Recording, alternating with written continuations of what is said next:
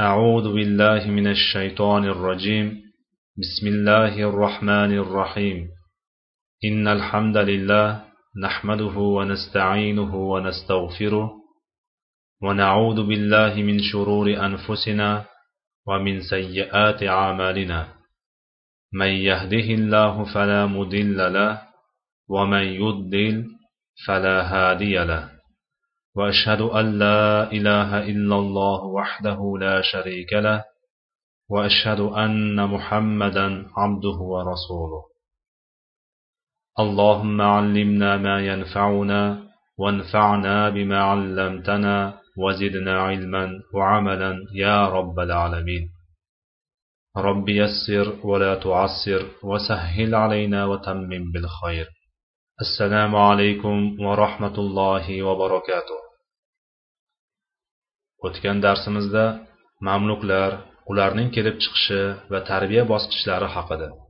Shuningdek podshoh solih najmiddin ayyub rahimaullohning o'limi so'ngra uning o'rniga o'g'li tug'ronshoh voliy bo'lishi va uning qatl qilinishi keyin shajaratuddurning hokima bo'lishi va u taxtdan tushib o'rnini izzuddin oybek turkmoniyga topshirishi va uning yetti yil misr boshqaruvi kursisida o'tirganidan so'ng shajaratuddur tomonidan qatl qilinishi va uning o'rniga o'n besh yoshli o'g'li nuriddin ali taxtga o'tirishi haqida suhbatlashgan edik. o'n besh yoshli nuriddin alining misrga voliy bo'lishida o'sha davrning eng kuchli rijoli misr armiyasining bosh qo'mondoni sayfiddin qutuz rahimaulloh bosh qosh bo'lgan edi. Islom tarixi qahramonlaridan biri bo'lgan sayfiddin qutuz kim edi? U kishining asl ismi mahmud ibn mamdud bo'lib musulmon podshohlar oilasidan edi. Subhanalloh. Bu dunyo bunchalar tor bo'lmasa. Sayfiddin qutuz rahimaulloh mo'g'illarni ikki marta yer tishlatgan yajuj va majujlarga qurilgan to'siq kabi ummatga qalqon bo'lgan jaloliddin manguberdining opasining o'g'li edi. Ya'ni jaloliddinning jiyani edi. Jaloliddin manguberdi ikki marta mo'g'ullar ustidan g'alaba qozongandan keyin hind daryosi yonida achchiq mag'lubiyatga uchragan va hindistonga qochib ketgan edi. So'ngra fors yerlariga qaytib ko'p musulmonlarning joniga zomin bo'lgan va oxir oqibat kurd millatiga mansub dehqon tomonidan ayanchli va fojiali suratda qatl qilingan edi. Mo'g'ullar jaloliddinning qarindoshlarini ko'pini o'ldirgan qolganini asir olgan edi. Sayfiddin qutuz esa uni mo'g'ullar tirik qoldirib qul bozorlarida sotganlar jumlasidan edi. Mahmud ibn mamdudga qutuz laqabini mo'g'ullar qo'ygan edi. Mo'g'ul tilida qutuz so'zi qopag'on it degan ma'noga dalolat qiladi. Qutuzlar yoshligidanoq qat'iylik quvvat va jasorat alomatlari ravshan bo'lgani uchun mo'g'ullar unga bu laqabni qo'yishgan edi. So'ngra uni damashq qul bozorida sotib yuborishgan. Keyinchalik uni ayyubiylardan biri sotib olib misrga olib ketgan edi. Undan bunga sotilib oxiri podshoh muiz azizuddin oybekka yetib kelgan edi. So'ngra guvoh bo'lib turganimizdek qutuz uning armiyasiga bosh qo'mondon bo'ldi. Qutuz rohimaullohning qissasini o'rganar ekanmiz. Tarix har doim qaytalanib turishini yaqqol guvohi bo'lamiz. Olamlar robbisi alloh subhanahu taoloning ajib va go'zal tadbirini mulohaza qiling. Fir'avn bani isroilning o'g'il farzandlarini mulkining zavolidan qo'rqib qirdi. Ammo alloh taolo aynan o'sha farzandni fir'avnning o'zi o'z uyida o'g'il qilib tarbiyalab ulg'aytirishini xohladi. So'ngra u sababli mulki zavol bo'ldi. Mo'g'ullar ham musulmonlarni yoshu qari qilishdan o'tkazarkan ularning farzandlaridan birini qul qildi va damashqda o'zlariga qaytarib sotdi. U boshqasiga sotildi so'ngra boshqasiga hatto butunlay boshqa o'lkaga borib qoldi. U yetti uxlab tushiga bir kirmagan diyorda edi. Mo'g'ullar o'z mulkining zavol qiluvchi dushmanini o'zlaridan uzoq bir yerga allohning qadarini bajarishga saqlab qo'ygan edi. O'sha damlar kichkina qul bola bo'lgan bir nochor yillar o'tib shu yurtning voliysiga aylandi va mo'g'ullar davlatiga yakun yasadi. Bugungi kunimizda yana aynan o'sha misrda fir'avn undan keyin qutuz yashab ulg'aygan yerda allohning yana bir mo'jizasini tarix bizning ko'z oldimizda o'z satrlariga yozdi. Bir necha yillar oldin misr podshohiga asir bo'lgan muhammad mursiy bugungi kunimizda o'z asiri muborakka uning taxtiga o'tirib boqmoqda. Alloh robbimiz naqadar buyuk. Ular makrlarini qildilar. Biz ham sezmagan hollarida ularni halok qilish bilan bir makr qildik. Naml surasi elliginchi oyat. Qutuz rohimaulloh barcha mamluklar singari kuchli diniy tarbiyada ulg'aydi. Yoshligidanoq askariy bilimlar va jang uslublari boshqaruv shakli va idora qilish yo'llarini o'rgandi. U kishi dinga muhabbatli dinini qadrlovchi jasur va mag'rur bo'lib yetishdi. Qutuz rohimaulloh o'ta sabrbardoshli edi. Bularga qo'shimcha u podshoh xonadonida tug'ilgan va go'dakligida amirlarga xos hayot kechirgan edi. Bu esa unga o'ziga bo'lgan ishonchni qaytargan edi. Boshqarish hukm yurgizish va idora qilish ishlari unga begona emasdi. Ustiga ustak uning oilasi mo'g'ullar oyog'i ostida halok bo'lgan hamda yoshligida mo'g'ullarning qilmishlarini o'z ko'zlari bilan ko'rgan edi. Bu esa mo'g'ullar fojiasini yaxshiroq tushunishiga katta turtki bo'lganida shubha yo'qdir. Yuz marta eshitgandan bir marta ko'rgan boshqa deydilar. Bu omillarning barchasi to'planib qutuz rohimaullohni qiyinchiliklarni yenga oladigan dushmanlaridan har qancha ko'p va kuchli bo'lsa ham umuman qo'rqmaydigan mardlik timsoli bo'lishiga olib keldi. Islomiy tarbiya qutuz rohimaullohning hayotida katta ijobiy taassurot qoldirgan edi.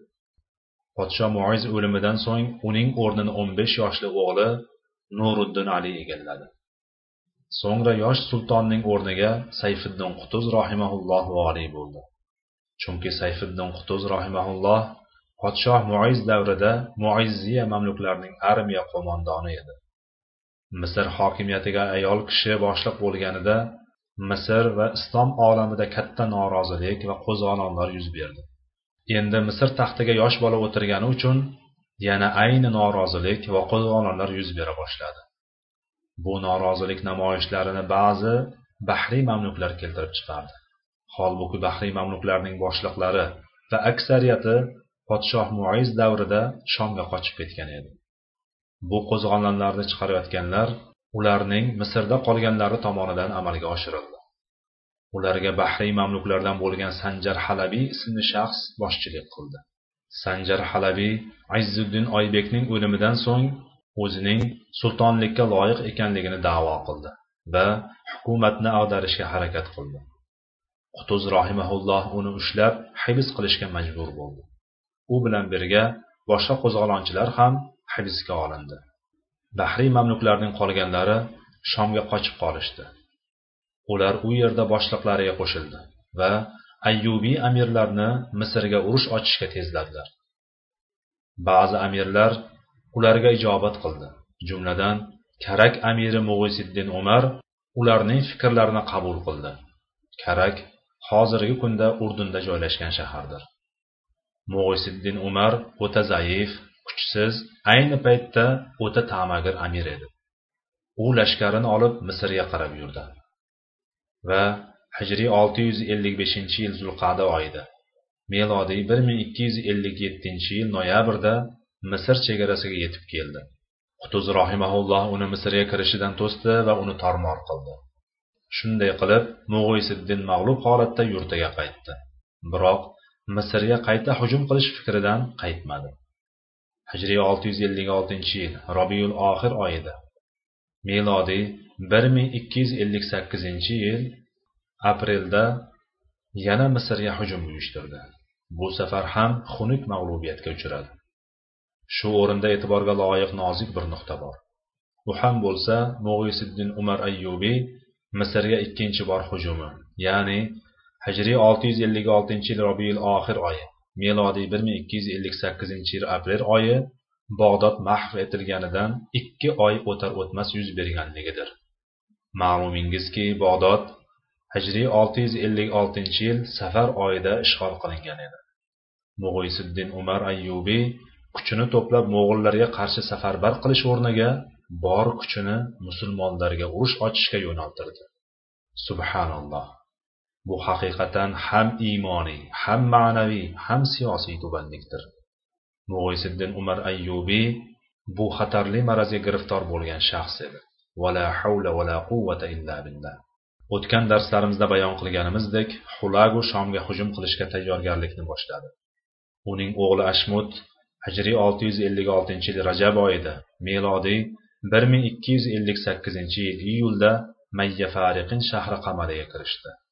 Xulagu hijriy 657 yil melodiy 1259 yil forsdan shomga iroqning shimolidan yo'lga otlandi. Nusaybin arroha albira shaharlarini egalladi. Hozirda bu shaharlar turkiyaning janubida joylashgandir. U halabga yaqinlashib qoldi. Xulaguning shomni ishg'ol qilgandan keyingi qadami misr ekanligi kunday ravshan edi. Qutuz rohimaulloh misrni amaliy suratda boshqarsa da misr taxtida yosh sulton nuriddin ali o'tirar edi. Bu esa hokimiyatning haybatini pastlatar va odamlarning hukumatga ishonchini yo'qotar edi. Shuningdek taxtda yosh bolani ko'rgan dushmanlarning ta'malari ortar edi. Bahaybat mo'g'ullarning qo'rqinchli xatari soya solib turgan paytda misrda ichki muammolar namoyishlar va qo'zg'olonlar avjiga chiqqan hamda shomdagi ayyubiy amirlar misrga ko'z olaytirib turar edi. Shunda qutuz rohimaulloh mintaqadagi eng muhim davlat bo'lgan misr taxtiga yosh sulton nuriddin alining qolishida manfaat ko'rmagach jiddiy qaror qabul qildi. Bu qaror yosh sulton nuriddin alini taxtdan olib o'zi taxtga o'tirishi edi. Qaror juda ajablanarli emas. Qutuz davlatni amaliy suratda boshqarar buni nafaqat xalq hatto nuriddin alining o'zi ham yaxshi bilardi. Kuchsiz o'n besh yoshli sultonning ortida dunyo va uning jo'g'rofiy holatini o'zgarishiga hamda tarix sahifalarida katta burilish yuz berishiga sababchi bo'lgan arslon sayfiddin qutuz turar edi. Qutuz rohimaulloh bu jiddiy qarorni hijriy 657 yil 24 zulqada kuni melodiy 1259 yil 19 noyabr kuni ijro qildi. O'sha kuni muizziy va bahriy mamluklarning amirlari amir sayfiddin bahodir va amir alamuddin sanjar g'otmiylar boshchiligida abbosiya mintaqasiga ovga ketishdi. Shu fursatdan foydalanib qutuz rohimaulloh sulton nuriddin alini uning ukasi qoqon va onasini hibs qildi. Va o'sha kunning o'zida jabal qal'asida podshohning taxtiga o'tirib o'zini misr podshosi deb e'lon qildi. Hozir bo'lganlarning barchasi bunga rozi bo'lishdi va unga malik muzaffar deb laqab qo'yishdi. U misr taxtiga o'tirgan uchinchi turk millatiga mansub sulton edi. Xulagu halabga kelishidan bir necha kun oldin qutuz rohimaulloh misr taxtiga ko'tariliboq mo'g'ullarni qarshilash uchun tayyorgarlikni boshlab yubordi. Misr diyorida muhim hodisalar yuz berdi. O'sha zamonda yangi burilish sodir bo'ldi. Yangi bayroq ko'tarildi. Qo'shin katta hozirlik ko'rdi. Keling bu hodisalarga yaqindan nazar solaylik. Alloh taolo bugungi hodisalarni ham o'shanday nusratlarga bog'lasin. Mo'g'ullar shomga hujumni boshlab misr diyoriga yaqinlashib qolgan kezda misr juda tahlikali holatda edi. Qutuz rohimaulloh davlatni barqaror va tinch holatda emas aksincha tamoman betartib va beqaror holatda qabul qilgan edi. Misrning ichki siyosati taxt uchun kurash natijasida qattiq tanglashgan va besaranjom bir holatda edi. Bu holat oxirgi o'n yil ichida juda avjiga chiqdi. Podshoh muiz azzuddin oybek davrida yetti yil mobaynida vaziyat nisbatan barqarorlashdi. Ammo uning so'ngra shajaratuddurning o'ldirilishi va o'n besh yoshli nuriddin alining taxtga o'tirishi vaziyatni yana keskinlashishiga olib keldi. So'ngra qutuz rohimaulloh nuriddin alini taxtdan olib o'zi taxtga ko'tarildi.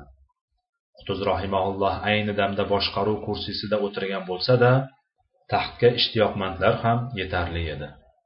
Qutuzga shaxsiy adovatlari bo'lganlar ko'p bo'lishida ham shubha yo'q edi. Bu hasadchi, ta'magir, taxt ishqbozlari qulay fursatda eng kamida Qutuz rohimaullohni taxtdan olishga harakat qilishlari tabiiy holdir. Yo'qsa, mamluklar odatiga ko'ra uni qatl qilishlari ham ehtimoldan xoli emas. shajaratu durni qo'llagan bahriy solihiy mamluklar bilan o'sha paytlar sayfiddin qutuzni qo'llagan muizziy mamluklar o'rtasidagi fitna davom etayotgan edi. Ma'lumingizki bahriy mamluklarning aksariyati shomga qochib ketishgan va u yerda boshqa amirliklar bilan birlashgan edi. Misrda qolganlari doimiy nazoratda va ta'qib ostida edilar. Mamluklar orasidagi bunday bo'linish misrning askariy quvvatini zaiflashtirdi. Zero bahriy mamluklar misr armiyasining taqriban asosiy qismini tashkil qilardi. Yurtda ichki vaziyat va armiyaning holati bunday xatarli ko'rinishda bo'lsa tashqi siyosiy holat ham undan qolishmas edi. Misrning atrofdagi davlatlar bilan aloqasi butunlay uzilib bo'lgan shom amirliklari bilan diplomatik aloqalari barbodgina emas ular o'rtasida kuchli adovat hosil bo'lgan edi. Misrning shimoliy afrika livan va sudan bilan ham aytarlik suyansa bo'ladigan aloqasi yo'q edi. Misr xuddi vahshiy mo'g'illar yamlamay yutishi mumkin bo'lgan podadan ajralib qolgan yakka qo'zi misoli edi. Misrdagi iqtisodiy ahvol siyosiy va ijtimoiy holatga yarasha edi. Mamlakatda muntazam salb yurishlari shom amirliklari bilan urushlar hamda ichki nizo va qo'zg'olonlar oqibatida yurtda iqtisodiy bo'hron hukm surardi. Xalq ichki va tashqi fitnalar bilan ovora bu esa iqtisodni eng so'nggi darajaga qadar yomonlashtirgan edi. Boshqa jihatdan misrdagi ichki nizolar va podshohlarning birin ketin qatl qilinishini chetdan kuzatib turgan g'arb salibchilari qasos va intiqom olishga harakat qilishlari shubhasiz edi. Chunonchi ular bundan o'n yil oldin mansura va fariskur janglarida xunuk mag'lubiyatga uchragan edilar. Shuningdek falastinda o'n yillar davomida ildiz otgan salb amirliklari misrga juda yaqin edi. Misrning bunday qiyinchilik kunlarida ular ham urush ochishni fikr qilishi turgan gap edi. Bularning barchasi bir tomon sharqdan yopirilib hamla qilib kelayotgan mo'g'ul bo'roni ikkinchi tomondan misrni larzaga solardi. Qutuz rohimaulloh juda muhim va og'ir merosni qabul qilgan edi. Bu vaziyatda u kishi nima ishlar qildi? Yirtqich mo'g'ul hujumini qanday qarshiladi?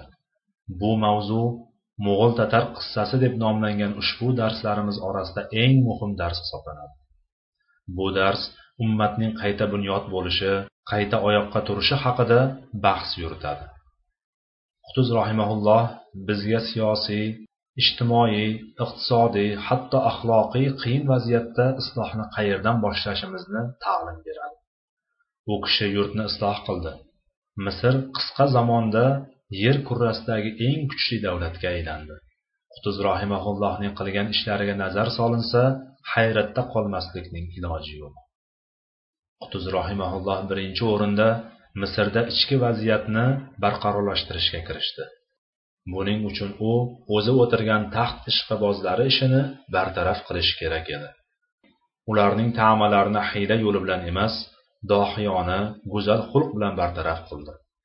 Qutuz rohimaullohni yuksak darajaga ko'targan narsa ham balki uning go'zal xulqi edi. U misrdagi amiru ayonlar kibor ulamolar xalq orasida yetakchilarni jabal qal'asiga jamladi. Ular xalqning turli tabaqalari orasida harakat qilar shu bilan birga xalqqa o'z ta'sirlarini o'tkaza olar edi. Bir qator amirlar qutuzning sulton nuriddin alini taxtdan olib habis qilganini inkor qilishdi. Qutuz ularga yuzlanib ochiq oydin maqsadini bayon qildi. Men misr taxtiga o'tirishni emas balki mo'g'ullardan millatimizni ozod qilishnigina qasd qildim. Bu esa podshohsiz amalga oshmaydi dedi. Qutuz rohimaulloh mantiqan ham asosli edi. Taxtda o'n besh yoshli bola bilan uning orqasida turib yer yuzidagi eng kuchli davlat mo'g'ul davlatiga qarshi urushishni kimsa aqliga sig'dira olmasdi. Yosh bolaning podshohligi mo'g'ullar nazarida misr davlatining haybatini yo'qotardi. Qutuz rohimaullohning misr taxtiga ko'tarilishdagi birinchi va asosiy maqsadi mo'g'ullarga qarshi urushish va alloh yo'lida jihod qilish edi. Qutuz rohimaulloh so'zida davom etdi. Agar jangga chiqib dushmanni yengsak ish o'zlaringga havola. Istagan odamni boshliq qilinglar. Buni eshitgan majlis ahli tinchlandi va barchasi bunga rozi bo'ldi. Qutuz rohimaulloh taxtga o'tirishining sababi bo'lgan ushbu dohiyona tadbirini oshkor qildi. Bu bilan u bostirib kelayotgan mo'g'ullar xatarini ummatga ko'rsata oldi. Ummat boshidan kechirayotgan qiyinchilik musibat va bo'hronlar kattalashishi mumkin edi. Odamlar qo'rqqan narsa ham shu edi. Mana shu qo'rquv sabab ularning birlashishi osonlashdi. Qutuz rohimaulloh odamlardagi qo'rquvdan mo'g'ullarga qarshi kurashda foydalandi va ularni bitta bayroq ostida jihod bayrog'i ostida birlashtirdi. Qutuz rohimaulloh misrga voliy bo'lgan kuni jihod bayrog'i ostida birlashish ixtiyoriy ekanini bu ish muayyan bir qabila yoki faqat mamluklarning o'zigagina cheklanmaganligini ochiqchasiga e'lon qildi. G'arblik sharqshunos tahlilchilar yoki o'zlarining tahlillarida g'arb madrasalariga tayanuvchi ba'zi musulmon tahlilchilar aytayotgan so'zlarga biz qo'shilmaymiz. Ular qutuz bu kalomni musulmonlarning jihodga bo'lgan muhabbatidan foydalanib muxolifchilarini bostirish hamda taxtda mustahkam o'rnashish uchun e'lon qildi deyishadi. Qutuz rohimaulloh aytgan bu so'zlardan hech qachon yomon gumonda bo'lmaymiz. Mo'minlar xususida yaxshi gumonda bo'lish shariat matlabidir. So'zlar va qilmishlar har doim shaxsning siyrati va hayotiga qarab baholanadi. Haqiqatni o'z ichiga olgan bu jumla juda katta ahamiyatga ega. Kishi bitta gapni gapiradi. Undan muayyan bir ma'no tushuniladi. Ayni gapni boshqa bir kishi so'zlaydi. Bundan butunlay boshqa bir ma'no anglanadi.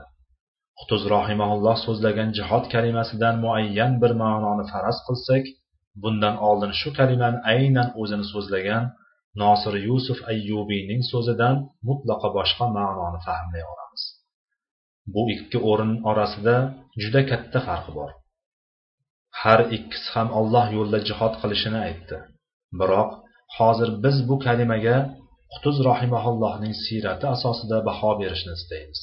Uning misrga voliy bo'lganidan keyingi hayoti ayni jaludgacha bo'lgan sa'y harakatlari va ayni jalud ma'rakasidagi hamda undan keyingi hayot tarziga asoslanib uning jihodga da'vatini tahlil qilmoqchimiz.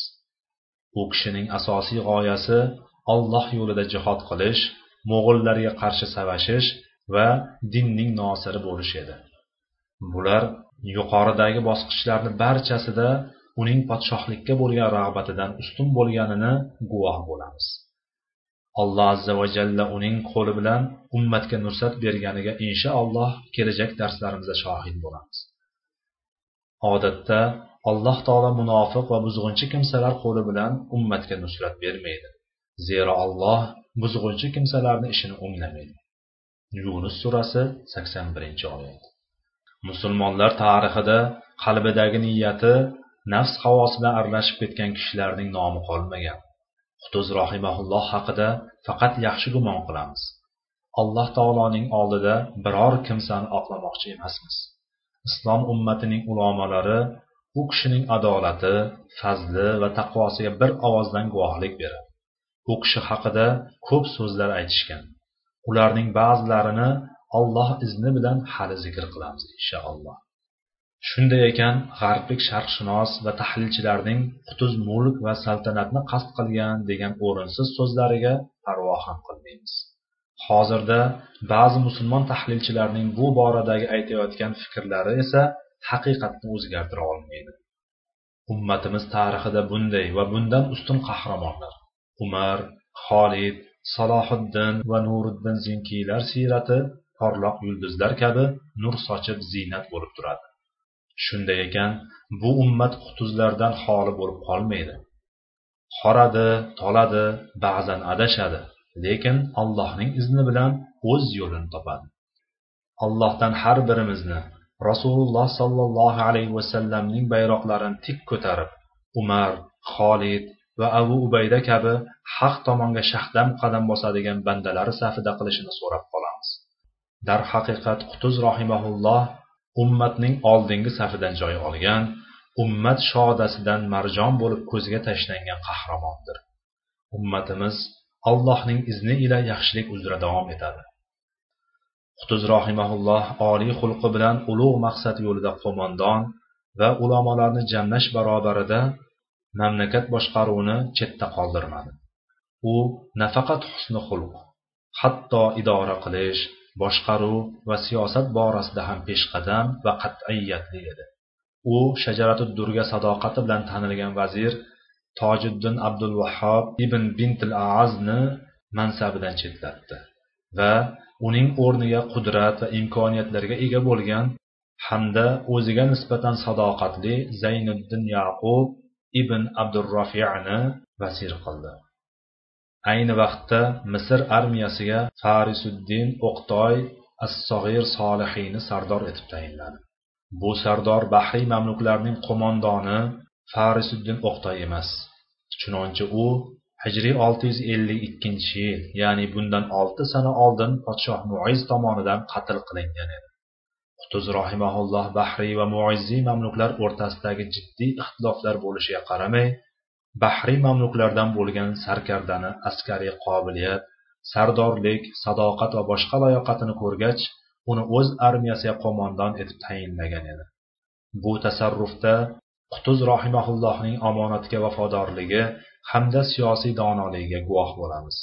Shom va turkiyaga qochib ketgan bahriy mamluklarning o'zlaridan biri misr armiyasiga qo'mondon bo'lishi katta ijobiy o'zgarish bo'lib ularning qalblari muizziy mamluklariga nisbatan yumshashi va shu tariqa o'rtadagi nizolar bartaraf bo'lishi kabi muhim maqsadni qutuz kabi dohiylar ko'ra oladi. Shu sabab misrda vaziyat barqarorlashibgina qolmay qutuz rohimaulloh bahriy mamluklarning yetuk askariy malakalaridan bahramand bo'lishi hamda ular bilan hamkorlik qilishga yo'l ham ochilgan edi. Qutuz rohimaulloh agar odamlar jihodni chetga surib qo'ysalar o'zlari bilan o'zlari ovora bo'lib qolishlarini yaxshi bilardi. U taxtga o'tirib o'ziga vazir va armiyasiga qo'mondon tayin qilgandan so'ng vaziri zayniddin va armiya sardori farisiddin o'qtoylarga qo'shin hozirlashga saflarni tartiblab tayyorgarlikni boshlashlariga amr qildi. Barcha insonlar ulug' maqsad alloh yo'lidagi jihodga bel bog'lashdi. Qutuz rohimaullohning siyosatidagi birinchi qadami mamlakatning ichki vaziyatini barqarorlashtirish ekani shu tarzda barchamizga ma'lum bo'ldi. U odamlarni ummat xizmatiga jalb qildi. Sultonning haqiqiy vazifasi podshoh bo'lish dunyo jamg'arish va taxtni farzandlariga meros qoldirish emas balki shariatni qoyim qilish yurtning himoyasi xalq manfaatini ko'zlash odamlarning huquqlarini rioya qilish ekanligini ochiq oydin ko'rsatdi. Shu sabab misrda ichki ahvol barqaror bir holatga keldi. Hamda saflar birlashdi. bu so'zlarni aytarkanman o'zimga va sizlarga alloh taolodan mag'firat tilab qolaman vallohu taala alam سبحانك اللهم وبحمدك أشهد أن لا إله إلا أنت أستغفرك وأتوب إليك وآخر دعوانا أن الحمد لله رب العالمين والسلام عليكم ورحمة الله وبركاته